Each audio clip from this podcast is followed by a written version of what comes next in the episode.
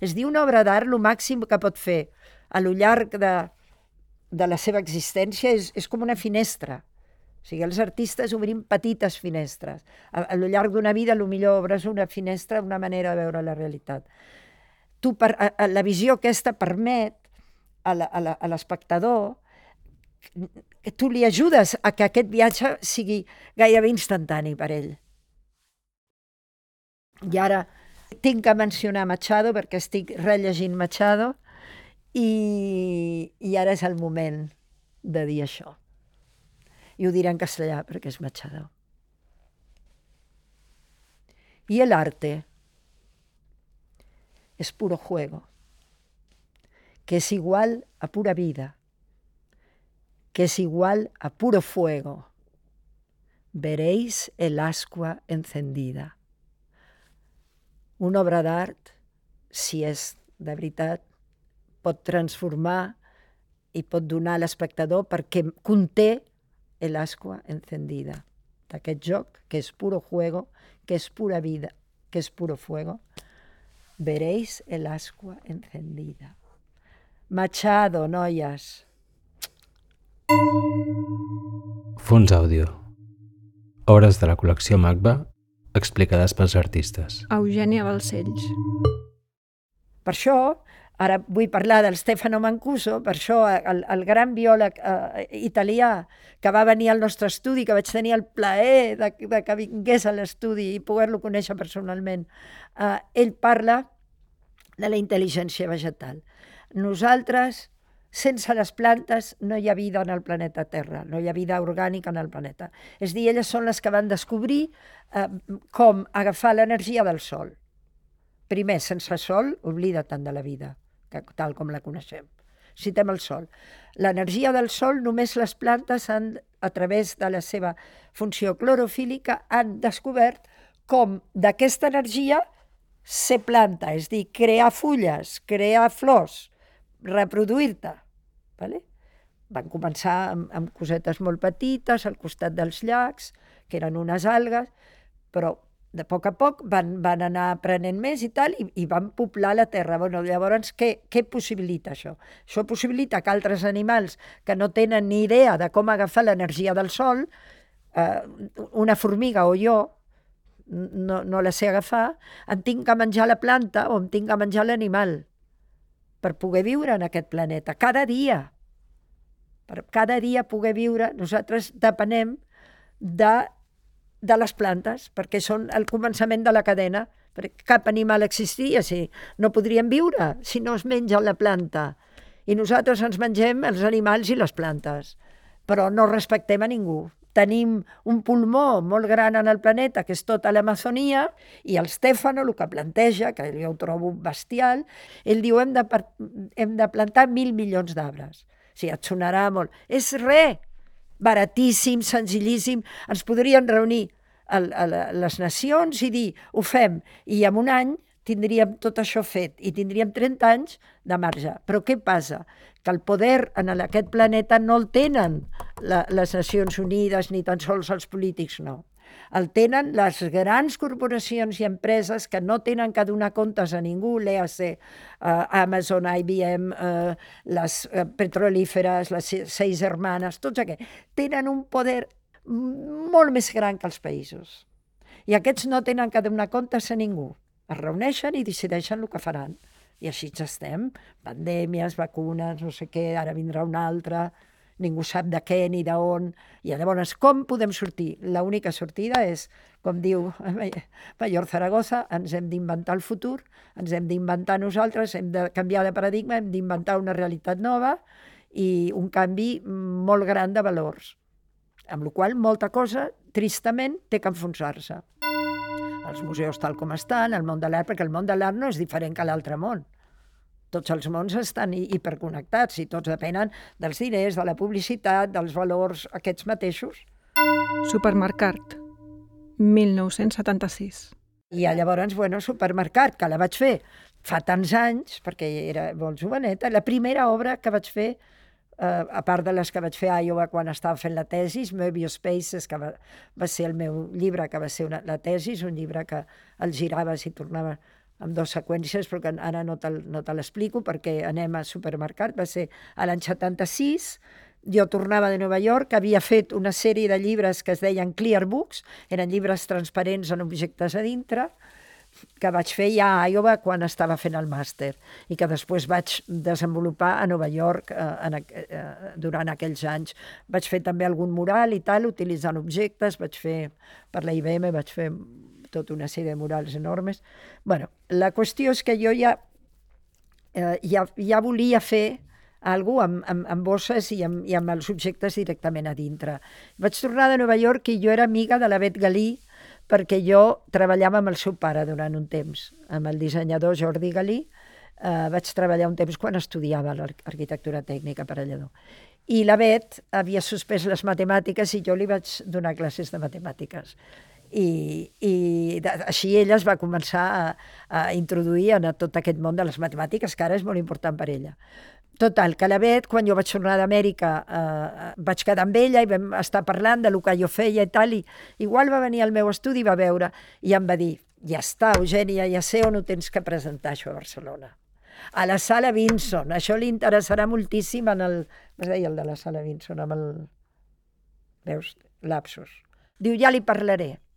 I, i, i el coneixeràs i li proposes. I el vaig conèixer, li vaig proposar i em va, immediatament em va dir que sí i vaig poder desenvolupar aquest, aquesta mena de catàleg general del consum, que el vaig ordenar alfabèticament, que va d'aire a vaquers i indis a cavall, amb molt humor i amb molt tal, però et permet anar eh, fent com una mena de jugant, però fer un, una, un, una dissecció de la, de la, de, dels objectes i les idees de la societat de consum i arribar en, el, en la conclusió de que tot està en venda.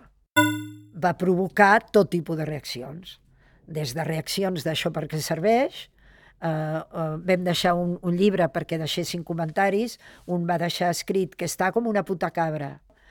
La meva àvia, perquè vaig fer la tira de condons variats de colors, uh, ja va decidir que i la meva àvia, la mare del meu pare, es deia Eugènia, també. Clar, era Eugènia Balcells.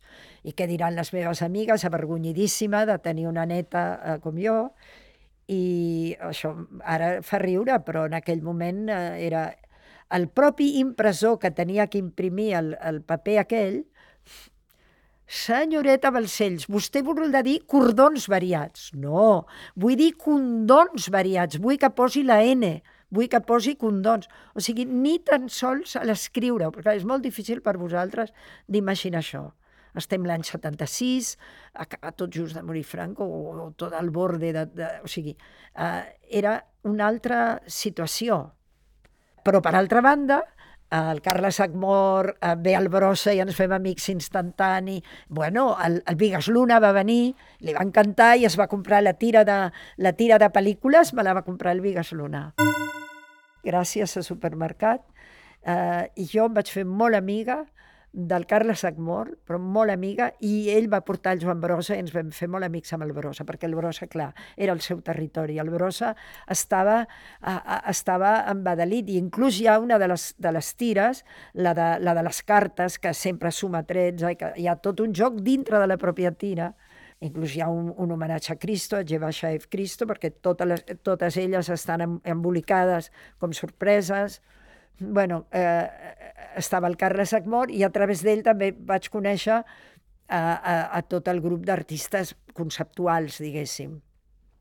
Uh, va ser molt emocionant perquè va, em va fer em va permetre de conèixer molta gent, perquè jo havia estat a Amèrica molts anys i no, no coneixia aquí i va causar reaccions molt opostes de, de, de, de rebuig i, i també de, de, de, bueno, de dir, vale, ens encanta, no? I després la, el món de l'art, pues, una mica entremig. Eh, la vaig presentar no en un museu, sinó que la vaig presentar a la Sala Vinson. No t'oblidis d'això.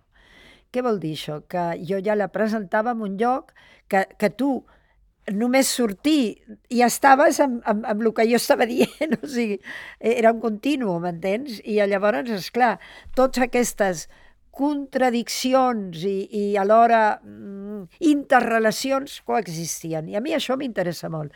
Jo no, no, no sóc partidària d'eliminar de, les contradiccions. perquè vivim en un món contradictori. Nosaltres, cadascú de nosaltres gairebé és una contradicció. I hem de navegar. Llavors, vale, uh, vaig decidir de vendre-les perquè, a més, estava fent un catàleg il·lusori de la A a la Z. Pues ja que és un catàleg de ventes, haig de ser coherent i ho haig de vendre. I per uns preus ridículs. Entens? Uns preus ridículs, que no em pagaven ni fer-ho, pràcticament. Uh, però era una mica la idea aquesta de dir, vale, pues, eh, juguem tot això i a partir d'aquí pues, es generarà un diàleg. Que passa que no estava preparada la situació com està ara com per poder tenir aquest diàleg. O sigui, el diàleg que puc tenir amb tu ara sobre supermercat, en aquell moment m'era molt difícil tenir-ho amb la gent d'aquell moment. Amb molt poca gent el podia tenir amb el Pere, per descomptat, amb el Carles Agmor, amb, amb el, el Brossa, amb una sèrie de gent que, que estaven ja jugant en, en, en, en, en tots aquests uh, límits no, de, la, de les coses. La vaig pensar com a instal·lació, però que cada peça era una peça també independent. Però, per sort, ara veig, mirat des d'ara, doncs mira, no es van vendre gaires, no? i per tant l'obra va quedar molt completa i el Tous en comptes de dir, vale, t'ho compro tot, eh, em va comprar una part, una part gran, però em va comprar una part. He refet moltes de les peces que estaven malament, que no les tenia el Tous i que les vam refer en el nostre estudi, no? I que les vaig bueno, les que, les que es tenien que refer i les altres li vaig donar els, els que jo tenia. The End, 1977.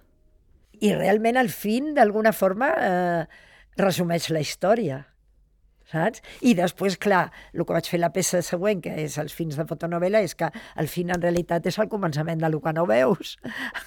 Perquè, clar, l'home i la dona es donen el petó que tots estan esperant, però què passa després, no? Uh, jo, en aquella època, en el 70, això era el 77, doncs aquells anys, el 76, 77, 75, jo anava molt al mercat de Sant Antoni, igual que anava als encants antics que no tenen res a veure amb els encants d'ara, encara que també hi vaig als d'ara, però que els antics eren, eren la pera. I eh, al, al, al Mercat de Sant Antoni un dia trobo una, un, un, un lloc que venen unes capsetes de mistos forrades de paper de color rosa i blau i uns visors. I jo m'ho miro i obro la capseta i està plena de fotogrames del cine. Però fotogrames físics, perquè clar, que això també és una cosa molt interessant, que la, la, la, el cine s'apoya amb la fisicitat del fotograma, i és la llum que l'atravessa. El vídeo va directament a la... Eh, és electrònic. Eh, doncs aquests fotogrames eh, estan allà. I el primer dia, doncs, imagina't que compro 10 capsetes. I me'n vaig a casa, a les meves 10 capsetes, m'ho començo a mirar. Vale. Torno a anar i compro 100 capsetes.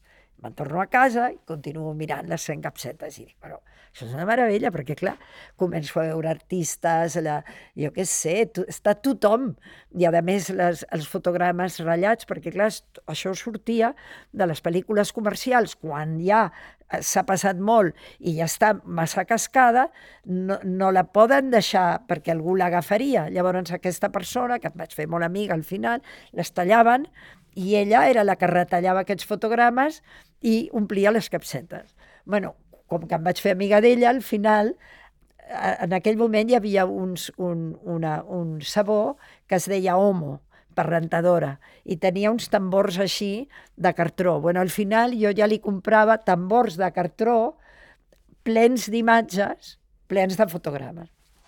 Llavors ens vaig dir, com puc entendre això? Què puc fer per entendre aquest material? Sempre les meves preguntes és, què, què, perquè clar, estic a la, a la unitat més petita del cine, el fotograma, en la qual el moviment està parat. Però allà passa una cosa també perquè al parar el moviment també eh, hi ha alguna que creix en aquell fotograma. La presència aquella, la, la, la, la, les tipologies de lo que... I llavors vaig eh, eh, agafar unes caixes de sabates, un munt de caixes de sabates, i vaig posar en una presenta tots els títols de crèdit.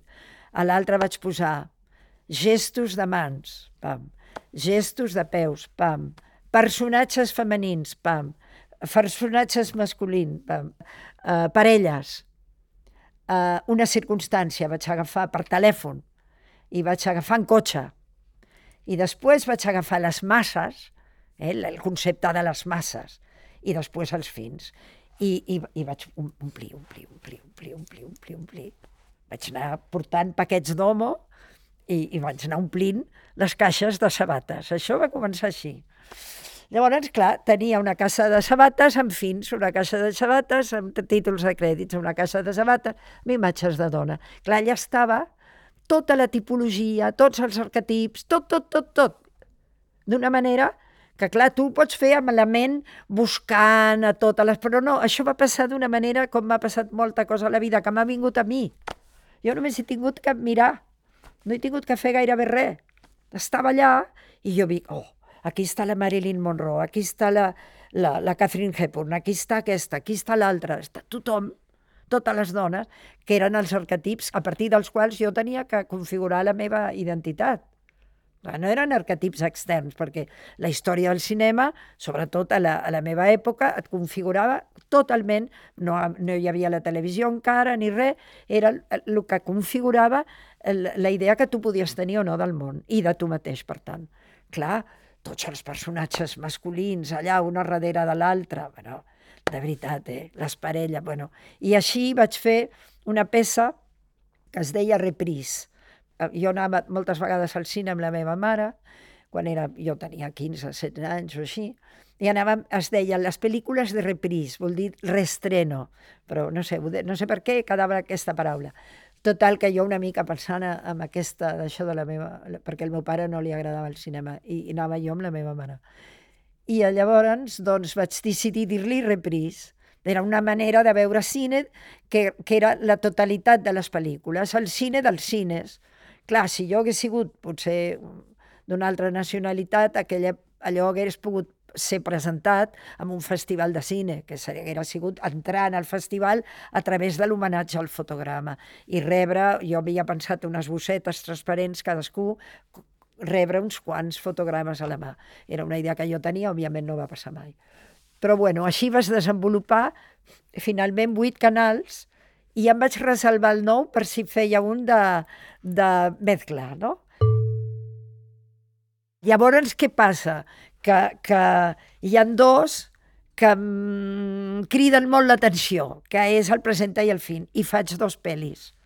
O sigui, les transformo en pel·lícula. Les, la, el, del fotograma, el gra, els gravo, els projecto, els gravo i faig aquestes dues pel·lícules, que és el que té el mapa que és, com tu dius, és de tot el recorregut agafar les, les que més capturen l'essència d'allò, no? i vaig fer aquest, aquest... No tots vaig fer pel·lícules, en aquell cas només vaig fer dels dos. Tu t'ho has de creure. Anar a la sala fosca aquella, en el fons, eh, és, és com la màgia dels narradors d'històries al costat del foc antics, que tu, tu allà et rendeixes el temps, l'espai, tot, perquè estàs allà i, i, i, i suspens eh, la descrença per creure durant una estona que és un mecanisme molt important i molt essencial en la nostra evolució i molt essencial en la nostra possibilitat de sortir d'on estem. O sigui, aquest és un mecanisme boníssim que és el mecanisme del conte, és el mecanisme de la història, és el mecanisme de la paraula, del re, recontar històries i, i, de, i de que aconseguir que, la, que el que t'escolta hi hagi un moment que et segueixi que estigui amb tu en aquell fil prim on, on, on estàs, no? La percepció i la, i la, i la consciència, no? La, les pel·lícules, el 50% és so, eh? La idea de melodrama, melo, eh? és so. El so és importantíssim. Tu veus una, una pel·lícula, per exemple, de terror o d'intriga, i hi ha tot un vocabulari sonor que l'acompanya, que et marca el tempo, que... perquè el so el so encara passa més directe al nostre sistema nerviós, jo crec. O sigui, la vista, rebem la, la senyal visual, el nostre cervell la té que interpretar i llavors ens emocionem o no. Però el so és, té, té una entrada eh, absolutament directa. Ens, eh, la vibració que li arriba al tímpan i que, i, i, i, i que ens arriba, eh, ens envolta, és, és, és, eh, sí, hi ha una, una relació total. Per això han sigut tan importants la gent que els músics que s'han dedicat a fer la, el, les, les, el so de les pel·lícules. En aquest cas, realment vaig agafar una mica el que em va venir més fàcilment a les mans, perquè tampoc m'hi podia dedicar tantíssim. Eh? Vaig, el treball va ser molt més sobre la imatge que sobre... En aquell cas, molt més sobre la imatge que sobre el so. Potser més tard, amb el Peter, vam, vam, vam repassar una mica això, però eh, també em va ajudar molt a obrir la meva capacitat de d'escoltar i d'escoltar d'una manera nova eh, dos coses. La primera va ser la Iowa el contacte directament amb, amb, amb, amb, amb el John Cage, eh, amb, la seva, amb la seva manera d'entendre el so. I que després jo, eh, bueno, eh, experimenta l'Intermedia Foundation, el, el vaig conèixer, clar, perquè ell, ell venia amb el, amb el, el Merce Cunningham. Després vaig conviure tants anys amb el Peter i vam col·laborar tant i ell estava sempre experimentant el so de, de cada cosa, de cada, del, dels que passaven per accident i dels que passaven fent sonar la, les coses, no?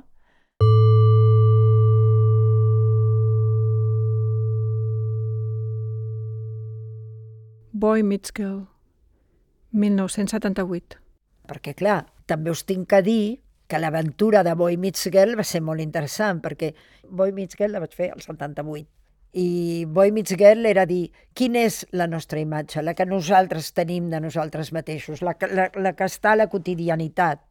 I després va sorgir la pregunta aquesta de que si un ser d'un altre planeta vingués a la Terra i no veiés ni un sol ser humà viu, només tingués la, les revistes i, i, i, i quina imatge tindria de nosaltres. Vaig estar col·leccionant imatges d'homes i imatges de dones durant tot un any i després vaig fer que, que ballessin davant de la càmera fent imatge per imatge, fotografia per fotografia. Eh, eh, per poder fer aquest, el que va acabar sent Boy Meets Girl, i el sol vaig fer amb, un, amb una joguina, amb una joguina, i el vaig fer jo, per, eh, era una mica, la idea era com una maquineta d'aquelles de, de, de Las Vegas, no? que hi ha pastanagues i tomàquets i no sé què, i van movent-se i de tant en tant es troba una pastanaga amb una pastanaga, clinc, clinc, i et cauen alguna de diner. Bueno, doncs la idea era dividir la pantalla en dos, que de les primeres vegades que veiem una pantalla realment en aquell moment fet mecànicament, no, no hi havia editing, també és una pel·lícula sense editing directament eh, un rotllo, l'altre, l'altre, l'altre i l'altre. Ja està. bueno, no tants. Ara me'n recordo quan dura, però potser tres rotllos o quatre. bueno, llavors, aquell any, eh, Franco havia mort ja. I eh, nosaltres a Espanya no havia participat mai en un festival de cinema experimental que es feia a Londres. I aquell any van connectar l'Eugeni Monet i ens van convidar a anar a Londres a participar representant Espanya en aquest, eh, aquest gran festival de cinema experimental. Jo anava amb Boy Meets Girl, l'Eugeni anava amb altres pel·lícules, però Boy Meets Girl aquí no s'havia vist. És a dir, no ens oblidem d'això, no ens oblidem d'això. I jo anava representant Espanya allà. Llavors jo vaig aprofitar l'ocasió i vaig dir, vale, jo represento Espanya i tots els països del món que, que, que no tenen cinema experimental, és a dir, que és la majoria, dic, que a més això semblen unes Olimpiades. Bueno, vaig, vaig ser lliure i vaig dir tot el que, el que se'm va acudir en aquell moment. I, bueno, i allà vaig conèixer el Bill Brandt, que uns anys més tard va agafar aquesta pel·lícula que estava en Super 8 i me la va passar sense a Nova York. Jo estava ja fent eh, paral·lelament eh, les altres, les altres pel·lícules i en aquell moment eh, era el moment de, que es, va, que es va començar a idear la idea de film vídeo informació amb el grup d'aquests nois que eren molt més joves que jo. O sigui, jo, jo em vaig fer molt amiga d'aquell moment uns nois que eren com 10 o 15 anys, potser 15 anys més joves que jo, que ens vam conèixer a l'antiga filmoteca que estava on està la catedral, allà en aquell passeig, nosaltres anàvem molt, perquè en aquell moment no hi havia res a Barcelona, res. I llavors, si tu volies estar, tenies que anar a la Filmoteca. La Filmoteca era on passava tot. I allà tenies els Cosmos, que hi anaven, que eren tot el grup de pintors, i hi havia els, els que feien cinema, i eh, que també te'ls trobaves, el Beri Rossell, tota aquesta gent, i després estàvem els del cinema experimental, els més, i, que eren els més joves, lògicament. I allà em vaig conèixer amb tots aquests, amb, amb el Joan Bofill, l'Eugeni Bonet i, i, i tot un grupet de gent. I ara us tinc que explicar una altra història, que us interessarà, perquè no es coneix. I és que uh, i, i jo em vaig empenyar de que teníem film, vídeo, informació, finalment tenia que tenir un lloc. I se'm va acudir la idea de posar un anunci a l'avantguàrdia, demanant un lloc gratis. Sí, vaig pagar l'anunci a l'avantguàrdia, el vaig escriure, me'n vaig anar a fer-ho, demanant un, un lloc gratis a la vida per uh, fer film, vídeo, informació. I tenir els nostres arxius i poder portar gent de fora per veure pel·lícules què va passar? Que la vida em va contestar, perquè el dia que vaig posar l'anunci vaig sortir a sopar amb el Tous, la seva, la seva dona, la Isabel, i l'Eugeni Bonet, els quatre, i vam anar a sopar. I jo dic, jo dic, bueno, el que he fet avui és posar un anunci perquè, bueno, tenim molt material i volem fer coses i, i no tenim cap lloc. I demano un, un espai gratis i el, to, i el Tous em diu, ah, vols un espai gratis? Jo dic, sí, un espai gratis. I diu, bueno, diu, al carrer Berlinès tinc un espai que és un magatzem brutíssim i, i fet una, un desastre, però que si l'arregleu i tal, us el deixo. I, vale, em va donar les claus, i jo vaig involucrar a, a tots els muchachos, inclòs el Carles H, que també van allà a rascar, a pintar, bueno, estàvem tots, vam fer tot amb les nostres mans. I vam, i vam deixar-ho net, vam col·locar electricitat, vam, vam deixar-ho perfecte. I vam portar els nostres arxius de film, vídeo, informació allà i vam arribar a fer algun, algunes coses en allà. I llavors, al cap d'un temps de, de que això va funcionar, vam fer coses en el cine Atenes, que en aquell moment ens deix, va deixar la sala perquè vingués... Bueno, vam portar, vam portar alemanys, vam portar la, la Nico, va venir... Bueno, la vam a buscar amb la camioneta, jo tenia una camioneta aleshores. Bueno, bueno, vam fer de totes. Però el Tous mai ha contat aquesta història, perquè en aquell lloc és on va néixer Metrònom. Metrònom no va néixer de que no hi havia res, no, va néixer sobre, les, sobre la, els ombros de film, vídeo, informació, perquè quan jo me'n vaig anar a Amèrica, al cap de poc temps, aquests nois sols, sense la, la punxa, bueno, la, no, van, no, van, no van seguir perquè tampoc hi havia financiació, el Tous no, no va apostar per això i vale, es, va, es va acabar. I al cap d'uns anys me n'entero de que s'ha obert metrònom allà, i bueno, eh, és, jo crec que és un da, una dada important i interessant saber que el metrònom original primer va néixer allà. Després va passar a, a, a l'Espai del Born, que és magnífic, on la Bàrbara Held va poder, que és molt amiga meva, va poder fer el programa de, de música tan important que va passant allà i, i jo vaig poder fer From the Center, perquè l'Altous va venir a Nova York, va estar amb nosaltres diversos dies, vaig, i després amb el Peter Van Riper vam fer unes performances brutals. Sí.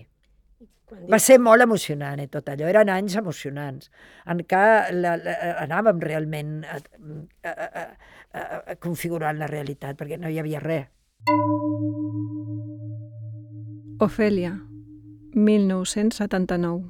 I llavors vam fer aquesta revista que es deia Visual, que la, la feien perquè el Manel, en aquell moment, el Manel Huerga, el Manel Huerga, que me l'he oblidat, bàsic, el Manel Huerga va ser bàsic, bàsic en aquella època. Eren els tres més bàsics, eren l'Eugeni Bonet, el Manel Huerga i el Joan Bofill. Després hi havia altra gent, no? Però aquests eren els, els bàsics. Si el Manel Huerga en aquell moment treballava en un lloc que, que tenien unes fotocopiadores que es dedicaven, no me'n recordo ara del nom de l'empresa, però que tenien unes màquines de, de reproduir fotocòpies brutals. Així va néixer Ofèlia. Unes màquines, però maquinorres, o sigui, les millors d'aquell moment i tal. I ell eh, tenia un, un cert, una certa mà, de forma que el, a lo millor el cap de setmana podíem anar i fer-ho servir, vull dir, va fer alguns, i la, la revista visual eh, l'editàvem nosaltres, o sigui, l'escrivíem, l'editàvem, jo la dissenyava, el, el, el, ells posaven la major part del contingut, el traduïem de l'anglès o el que fos, ho imprimíem, fèiem les pàgines, tot ho passàvem per les màquines aquelles i, i, i, ho portàvem a un lloc, em sembla que ens posaven les... Eh, bueno, clar, vam fer dos números, perquè no va donar per més, però clar, un, la portada era la Chantal Ackerman i l'altra era, clar, eren les nostres... Bueno, vam portar, en aquell moment la Filmoteca va portar la Marguerite Duras a Barcelona, tia, jo, la, jo vaig estar amb ella, que és una de les meves grans referents. És dir, jo he fet aquesta pel·lícula mmm, Cartes de Kiab i realment les meves referents són la, la, la Marguerite Duras i la, i la i la com es diu el cabell així, serrell, blanc, vermell, la increïble que va fer ahir. Ara tinc un lapsus i no em surt el nom d'una... Agnès Verdà. Agnès Verdà, exacte, l'Agnès Verdà. Per, per mi, aquí a Espanya no ha hagut cap referent eh, similar en la història del cine ni de res. Per mi, elles dos per el seu, la seva llibertat amb la càmera, per la seva, el temps de la càmera, per el temps d'observació, en el cas de la Durà, per el seu domini absolut del llenguatge, per la seva intel·ligència, en el cas de la Bagdà, per la seva incorporació de lo que ella no controlava del món exterior i incorporar-ho a la seva obra, eh, dos mestres, però mm, enormes. Bueno, per altra banda, tenies, tenies el Godard i tots aquests que ocupaven tot l'espai, però jo et dic que el que he après d'elles no me l'ha ensenyat Godard. Ho sento molt. Ell va ocupar l'espai, tenia el poder polític, i el mateix que va passar amb el Sartre. El Sartre tenia el poder polític i en aquell moment era el que havia, la, era el Partit Comunista, que a més eren uns...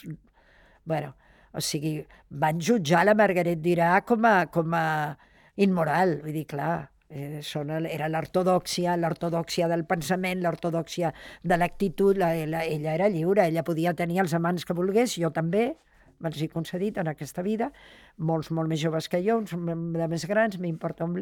És dir, la llibertat no per fer-ho, sinó de ser en a cada moment qui vol ser. O sigui, independent del, del judici extern. I això la Margaret era un, un exemple absolut i en canvi la, la, la, la, la Simone de Beauvoir i tal, a pesar de tot, ja la veus a les fotos, era una estricta. La foto, la foto no, no, no, no, no pots... Estic dient bestieses, però que és... La, la, ells van ocupar tot l'espai. I els altres van tenir que era molt dur estar en, en els marges i estar sobrevisquent amb tots aquests grans poders que controlen el pensament, què és lo, què és lo que val, què és lo que condiciona el cine, bueno, la de llibres que... Alto. Alto. Alto i alto. Perquè què quedarà? Qui, qui, qui ha portat més? Qui ens serveix més per viure i per existir? Que és la gran pregunta, finalment el punt de producció no era el nostre objectiu, era més donar a conèixer, portar-lo de fora i, i crear un lloc de, de diàleg, de trobar-nos, de compartir. Però clar, per exemple, les expos que jo vaig fer a la Galeria Ciento, la, Marissa ens deixava l'espai, però teníem que anar allà i fer, fer el, el, la, reme, la tramesa, tot, anàvem allà i tots aquests m'ajudaven també, que s'havien de posar les adreces, el segell... És dir, era, era tot... Eh, no havia estructura que ho suportés, que, que, ho, que ho pagués, que, que era molt diferent que el que passava en aquell moment als Estats Units o, o a França, que ja havia unes estructures, hi havia uns diners, eh, un reconeixement eh, de les institucions que validaven allò. Aquí no, aquí era, érem uns, uns pàries, no? no? No importava ningú aquí a Barcelona en el context d'una exposició magnífica que era Barcelona, París, Nova York, de tota la nostra generació, els que ens vam anar a París i a Nova York, la gent com el Muntades, el Miraldes, l'Àngel Ribé, tots nosaltres, eh, el Francesc Torres, per descomptat, i es, va ser al, al Palau Robert. Les poques vegades que hi havia cua per entrar. I va ser una exposició molt magnífica. És una pena i ara ho dic perquè això ho sentirà el MACBA, que en aquell moment la, la, tots érem tots érem catalans, que ens havíem anat a París, que ens havíem trencat les manyes i a Nova York. Aquest, a, aquesta fortuna. Això no pots ni improvisar-ho, ni que el mag no ho agafés, ho comprengués el que tenia, ens animés i ens portés pues, a, al document, a, a, a, primer ens presentés aquí. Eh, és una de les coses que no, no, no hi ha ningú que m'ho pugui fer entendre a mi. Què va passar? Saps? Perquè era, era, era o sigui, un grup que no podia fer Madrid, no podia fer ningú perquè no ho tenia, d'una sèrie de gent que estaven aquí, que una mica la col·lecció del Tos és, encara ho amplia més, però en aquell moment eren la gent que ens havíem anat fora que tots han tingut carreres brutals, però independents d'aquí, absolutament. Molt bèstia, això. Molt bèstia. És molt trist, perquè dius, com, com és possible que aquest tresor, perquè nosaltres, en un, un país, un poble, el que té és, vale, molt bé, té una llengua, però l'important és el que es fa amb la llengua. La poesia que es fa, la, el que s'escriu, la literatura que es fa, l'art que es fa, el que fem amb la cultura d'aquell moment és la riquesa d'un poble. Un cop ja has menjat i has dormit i t'has procreat i tens, un, i tens un sostre, ja immediatament és la riquesa. I aquesta riquesa com és que no s'ha cultivat, que no s'ha compartit, que no s'ha honrat, que no s'ha eh, eh, ensenyat, que no s'ha dit... Això els americans ho tenen clar, però com un... És dir, el, el, el John Hanhart, que era el curator del Whitney, a mi un dia em va dir que va escriure sobre From the Center, un text magnífic, ell em va dir, és que Eugènia, el problema amb tu és que no ets americana. Què vol dir això? Que tu no ets un cavall que pot estar en la, me en la meva quadra. Jo vaig ser tan tonta tots els, es van fer americans, el francès, tots, el Montades, tots. I jo no, no, no vaig entendre que, que no em costava res, jo podia, no tenia ni que perdre la Universitat Espanyola, em feia americana i està, podia estar viatjant amb ell, però no ho vaig fer. I, i al revés, vaig venir cap aquí, el que havia de mol, molts anys més tard, no? Uh, tot això és, ho dic perquè ells ho entenen perfectament i per això estan, bueno, a part del, de la riquesa i de la força de, dels Estats Units, per bé i per, i, per bé i per mal. I en canvi aquí, doncs, bueno, importem lo d'ells i jo tinc les obres que no s'han vist. És la realitat. I dius, com és possible?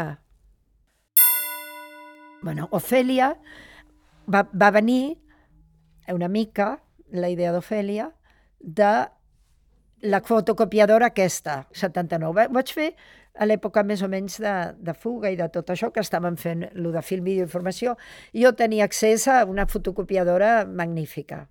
I, com sempre, buscant una imatge, la, les possibilitats. És dir, si jo aquesta imatge jo et faig una fotocòpia d'Ofèlia i tu dius, vale, és Ofèlia, i jo la començo a disminuir fins que es converteix en un punt, a quin moment deixa de ser Ofèlia? O sigui, és Ofèlia quan és un punt i no és Ofèlia quan ja és dos centímetres per dos, quan té la informació, a quin punt deixa de ser Ofèlia. I aquest, això ho vaig portar a extrems molt grans. Per exemple, vaig fer la primera fotocòpia, que en teoria té que ser igual, però després vaig fer fotocòpia de fotocòpia 100 vegades. Vale, què va passar? Pues que vaig arribar amb una visió d'Ofèlia totalment diferent, creada per la propi procés creada per la màquina. Llavors vaig fer tot això. Vaig, la vaig, eh, vaig fer sobre diferents papers, sobre... vaig fer com mil variacions sobre la imatge d'Ofèlia. I a qui li va interessar això? Al món de l'art, res. Això ho vaig presentar a l'Autònoma. I a qui els va interessar? A la gent de comunicació. Clar, perquè aquests se'n van adonar que allà estava passant alguna cosa. I és dir, era com com, com, una, com una Alicia que en comptes de canviar ella de tamany, eh, el que tu canviaves era la, la imatge que miraves, l'Ofèlia del John Everett Millet, que està a la Tate Gallery a Londres. Vale?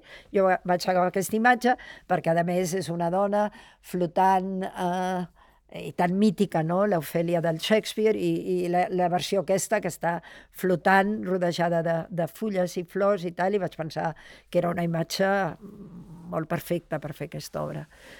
I clar, la gent allà eh, em van convidar diverses vegades a parlar amb la gent d'informació perquè els interessava molt eh, tota aquesta qüestió quina és Ofèlia de totes aquestes? Són totes Ofèlia o no hi ha cap que sigui Ofèlia i només és la de la Tate? La de la Tate és Ofèlia, quan és en color continua sent Ofèlia, si és en blanc i negre encara és Ofèlia, i de quin tamany i quanta informació és o no és Ofèlia. És una gran pregunta que la, que la llenço perquè avui en dia encara és vàlida.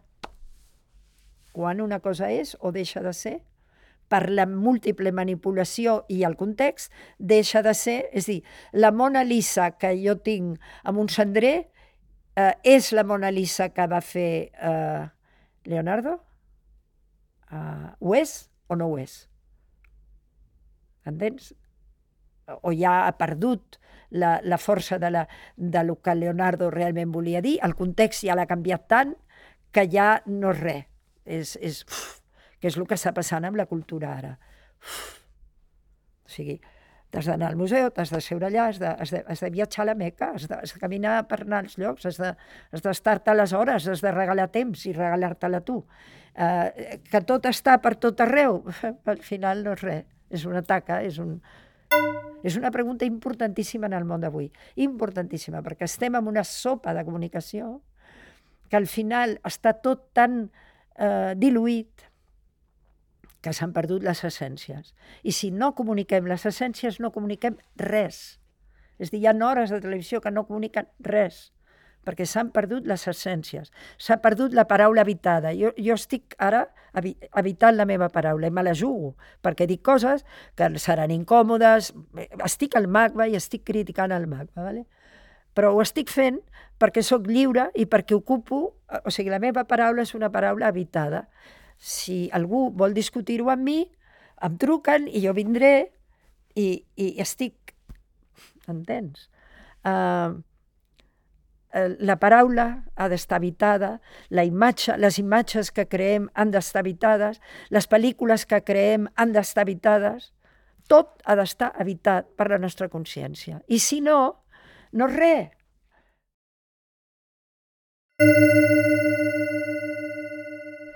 For, against.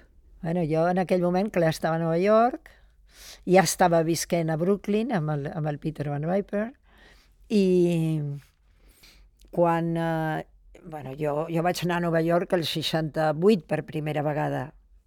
Acabava de passar el maig del 68 a París i jo me'n vaig anar a Nova York el 68. Va ser brutal. Brutal perquè era el moment de... Acabava de passar lo dels Chicago Seven i estava Jerry Rubin, Abby Hoffman, amb el Still This Book, amb tot això. Vull dir, era, era un moment d'una efervescència brutal que va ser on va començar aquest, aquest, aquest camí meu als Estats Units. Vale. Molts anys més tard, ja vaig tornar sola, al 79, i, el, i llavors eh, tenia ja feta, la, havia acabat la pel·lícula Fuga, la, la vaig fer amb 16 mil·límetres, amb una Bolex, i tenia la còpia, que era una llauna així, i vaig anar a, a, vaig anar a Anthology Film Archives i vaig deixar la llauna aquesta amb, el meu, amb un telèfon enganxat a sobre. Ni el meu, ni qui era, res. I total que al cap d'uns dies em truca personalment el Jonas Meques i em diu, qui ets? Qui ets? Què és això? Diu, estava veient no sé de quin país tota una sèrie de coses i de sobte apareix Fuga i ja va ser, es va quedar absolutament enlluernat, va dir, bueno, és que és, és el millor que he vist a Espanya i em va convidar a sopar a casa seva per conèixer-nos. I així va començar una amistat amb ell i la va programar, clar, Anthology Film Archives. Però jo després, en aquell moment hi havia una cosa que ara no existeix, que era una lluita entre el cinema i el vídeo, sobretot el cinema experimental i el nou vídeo.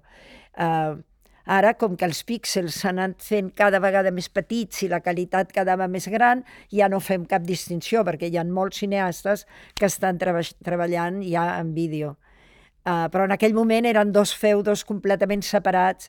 Clar, el Jones era, era com el lloc més important del món del cinema experimental. I jo, just després d'aquesta trobada amb ell i conèixer-lo i, Fuga, que va ser un moment molt, no sé, molt interessant i per mi apassionant, resulta que jo havia demanat una beca per fer el que es va acabar sent Atravessant llenguatges, Going Through Languages, que era un treball sobre la dona, sobre la imatge de la dona en els mitjans de comunicació i a la vida privada que era un treball sobre la mirada, la, la mirada televisiva, la mirada personal, un, tot això. I, clar, em van donar la beca al Ministeri de Cultura d'aquí i, i vaig començar a fer aquesta peça. Jo em vaig començar a cantar, vaig començar a fer molt treball en vídeo i això, eh, clar, va ser una mica com sortir-me de, del, del lloc del cinema experimental. Però llavors, en l'any 83, el, eh, el, el grup a Collective eh, for Living Cinema, que era, e, e, era un altre grup, en aquell moment, a una sèrie de, de gent que estaven treballant amb aquests mitjans, sobretot cinema experimental, ens van llançar un repte tremendo, que va ser dir, només podeu fer servir els 3 minuts d'un Super 8. O sigui, no podeu editar, no, no hi ha editing, no hi ha treball de postproducció, no hi ha res només podeu agafar aquest això i ens l'envieu. I clar, llavors era un challenge eh, tremendo. I llavors jo el que vaig fer és gravar imatge per imatge directament de la televisió i amb el Peter Van Riper vam eh, col·leccionar i escriure tots aquests eh, textos que acompanyen Uh, perquè, clar, el de la televisió era igual devastador que ara. Si ho mires, és que és la venda de tot, és la guerra permanent, el negoci de la guerra, és dir, tot el que ara està passant, encara més exagerat, i estava tot en allà. I, clar, eh, llavors el Peter i jo vam decidir de mirar l'altra cara de la moneda. I llavors vam, uh, vam col·leccionar totes aqu aquestes línies que les va, les va llegir ell. O sigui que l'obra va consistir en el que jo vaig gravar imatge per imatge, amb tota l'experiència que tenia d'haver fet Boy Meets Girl i de tota la meva anterior, i el text aquest que és com un fil de contraposició que ho atravessa. Però, clar, amb unes limitacions, perquè tothom ho veu i pensa, oh, en postproducció pots fer... No. O sigui, a mi m'encanten aquestes coses. És un exercici de, de precisió i de límits que crec que són dues coses interessantíssimes que les hem oblidat completament. És, límits també de gasto energètic, que és una lliçó importantíssima que tenim que, que, que fer en aquest moment expressament, perquè eh, tot el que sigui utilitzar extra per fer alguna cosa és un insult i és un, un, un, un waste, és, un, uh, és llançar l'energia, una manca de respecte de l'energia d'aquest planeta. Imagina't com ho estem tractant aquest tema avui. I aquesta petita pel·lícula és un exercici just de l'opost, de dir, només pots anar d'aquí fins aquí. Què pots fer amb això? Jo em considero molt més una investigadora, és dir, jo m'he dedicat a investigar, a investigar la llum, investigar la càmera, investigar la mirada, investigar el que passa al cervell, investigar la percepció, investigar la percepció a lo llarg de la història, investigar la relació d'ara i ciència, investigar la possibilitat que ara, eh, que ara és normal. Val? Ara, ara qualsevol museu ja té unes projeccions environmentals, ens ho vam inventar a la idea de que podien coexistir imatges en moviment i sons en un espai. Això no existia. Jo vaig fer From the Center, que jo crec que és una de les primeres instal·lacions de la història de 12 canals de les primeres a la història. Entens? Uh, en aquell moment a Nova York, me'n recordo, el, el, el Muntades em deia Eugènia, estàs boja, això no es veurà mai. Era impensable. I jo estava fent aquest treball, a l'any 79 vaig tornar a Nova York sola, que és el que estàvem dient, amb els, aquests 500 euros, sí, no, dòlars, 500 dòlars. Em va costar molt aconseguir un lloc molt, moltíssim. Vaig estar en llocs que em deixaven, vivint com una back lady, amb una... I no tenia encara aquí, però em van donar a la beca aquesta de, de Madrid, del Ministeri de Cultura, per fer el que va acabar sent Going Through Languages, i em vaig comprar l'equip amb el, tots els diners de la beca, em vaig comprar la càmera de vídeo, el, el monitor, un, un d'això de... Eh, clar, eren, eren, eren molt pesant, molt gran i tal, però era el més important que tenia va ser per mi, bueno, uf, dels moments més emocionants. bueno, aleshores, quan vaig aconseguir... Primer vaig tenir un lloc sola, temporal, però quan vaig aconseguir un lloc realment que era el que jo volia, estava a la cantonada de, del Bowery i Grand Street, a Little Italy, tocant amb el Soho, i era un edifici immens, totalment buit. Com ho vaig fer? Perquè aconseguir que em lloguessin al pis de dalt. Perquè estava buit, o sigui, i no pre pretenien llogar ningú més vivíem soles, eh, vaig com compartir-ho amb una eh, dissenyadora que tenia una part separada, però jo tenia amb unes claraboies, amb una... és el lloc més impressionant que he vist mai. I tenia una escala interior que podia arribar a la taulada i dormit allà algunes nits. Jo podia tenir 360 graus tota la ciutat de Nova York. Des de casa meva, no des de l'edifici, no, des de casa meva. Ningú podia, ningú tenia aquella sortida, jo només. Clar, després d'haver fet fuga, dic, ara és la meva. Ara marco un lloc, vaig marcar un lloc a la, a, a la taulada i vaig treballar dos anys sense canviar de lloc la càmera. Jo podia fer el que volgués, mm, panoràmiques, zooms, podia canviar les lents, podia fer el que volgués, però no podia a canviar el lloc de la càmera, perquè la idea era què veiem del món i sobretot què veiem amb els mitjans de, les, de la nostra època. Què puc viure jo com a ser viu en aquests anys tenint els instruments més avançats de la meva època? Què puc veure? I la manera de saber el que pots veure és quedar-te quiet i no controlar el que passa al voltant, que és el que fa gairebé tothom. Tu camines, tu puges, tu al cinema... No, jo no puc fer res, jo només puc a través de la meva càmera, mira. I vaig estar, bueno, el vent em va tirar la càmera, va, vull dir, va passar de tot, perquè clar, dos anys. Però vaig fer From the Center. 12 canals, vaig desenvolupar 12 visions simultànies, 12 canals, en els que, clar, surt el sol, que es posa, la lluna, el, la nit, i vaig pensar, com ho presento això? I jo sóc una enamorada de Stonehenge. He llegit molts llibres, que és una mena de computadora megalítica, és dir, la visió també circular, eh, ritual, mm, i, i també està eh, connectat amb la sortida i la posada del sol, amb els solsticis, amb, eh, amb els... Eh, poder pronosticar els eclipses de lluna, etc. Total, que vaig dir, ara és la meva, faré un Stonehenge electrònic un cercle amb 12 monolits que marcaran la, eh, les, les direccions de l'espai i també les hores del rellotge.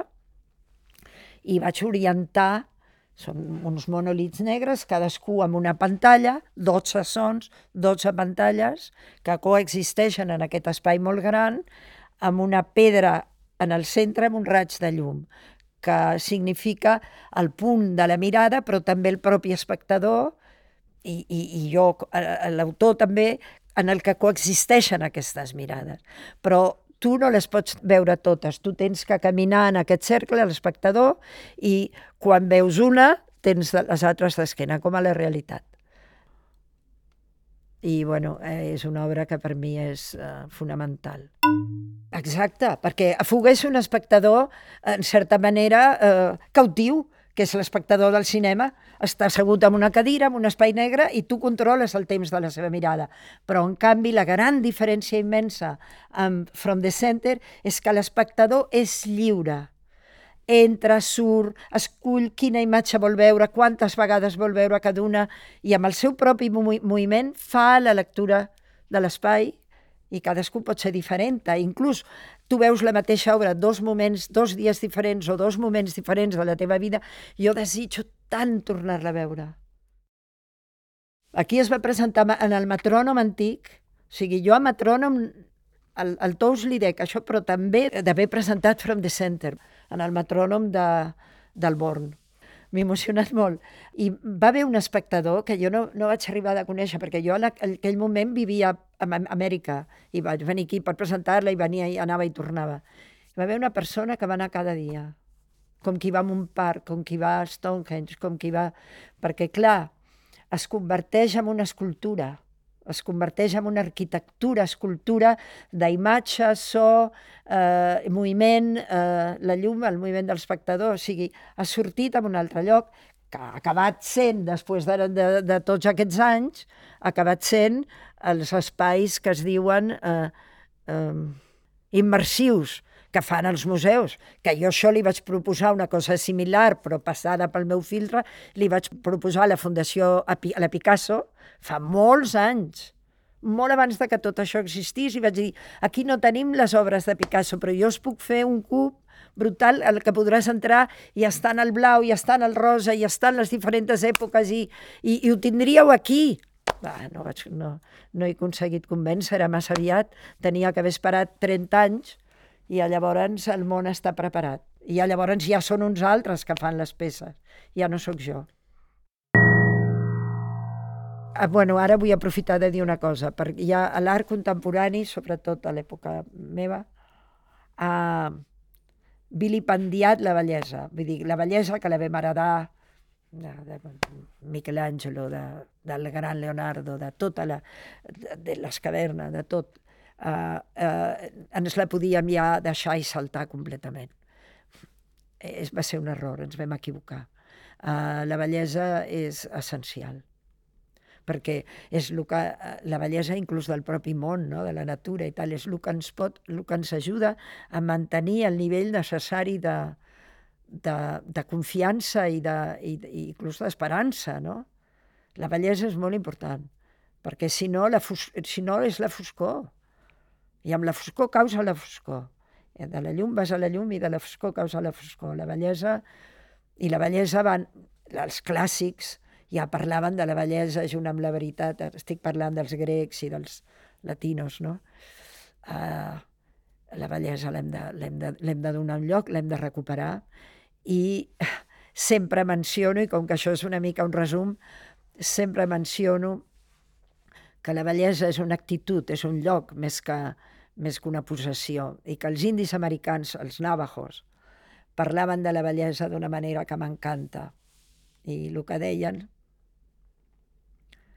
és with beauty in front of me, with beauty behind me, with beauty on my left, with beauty on my right. May I live in beauty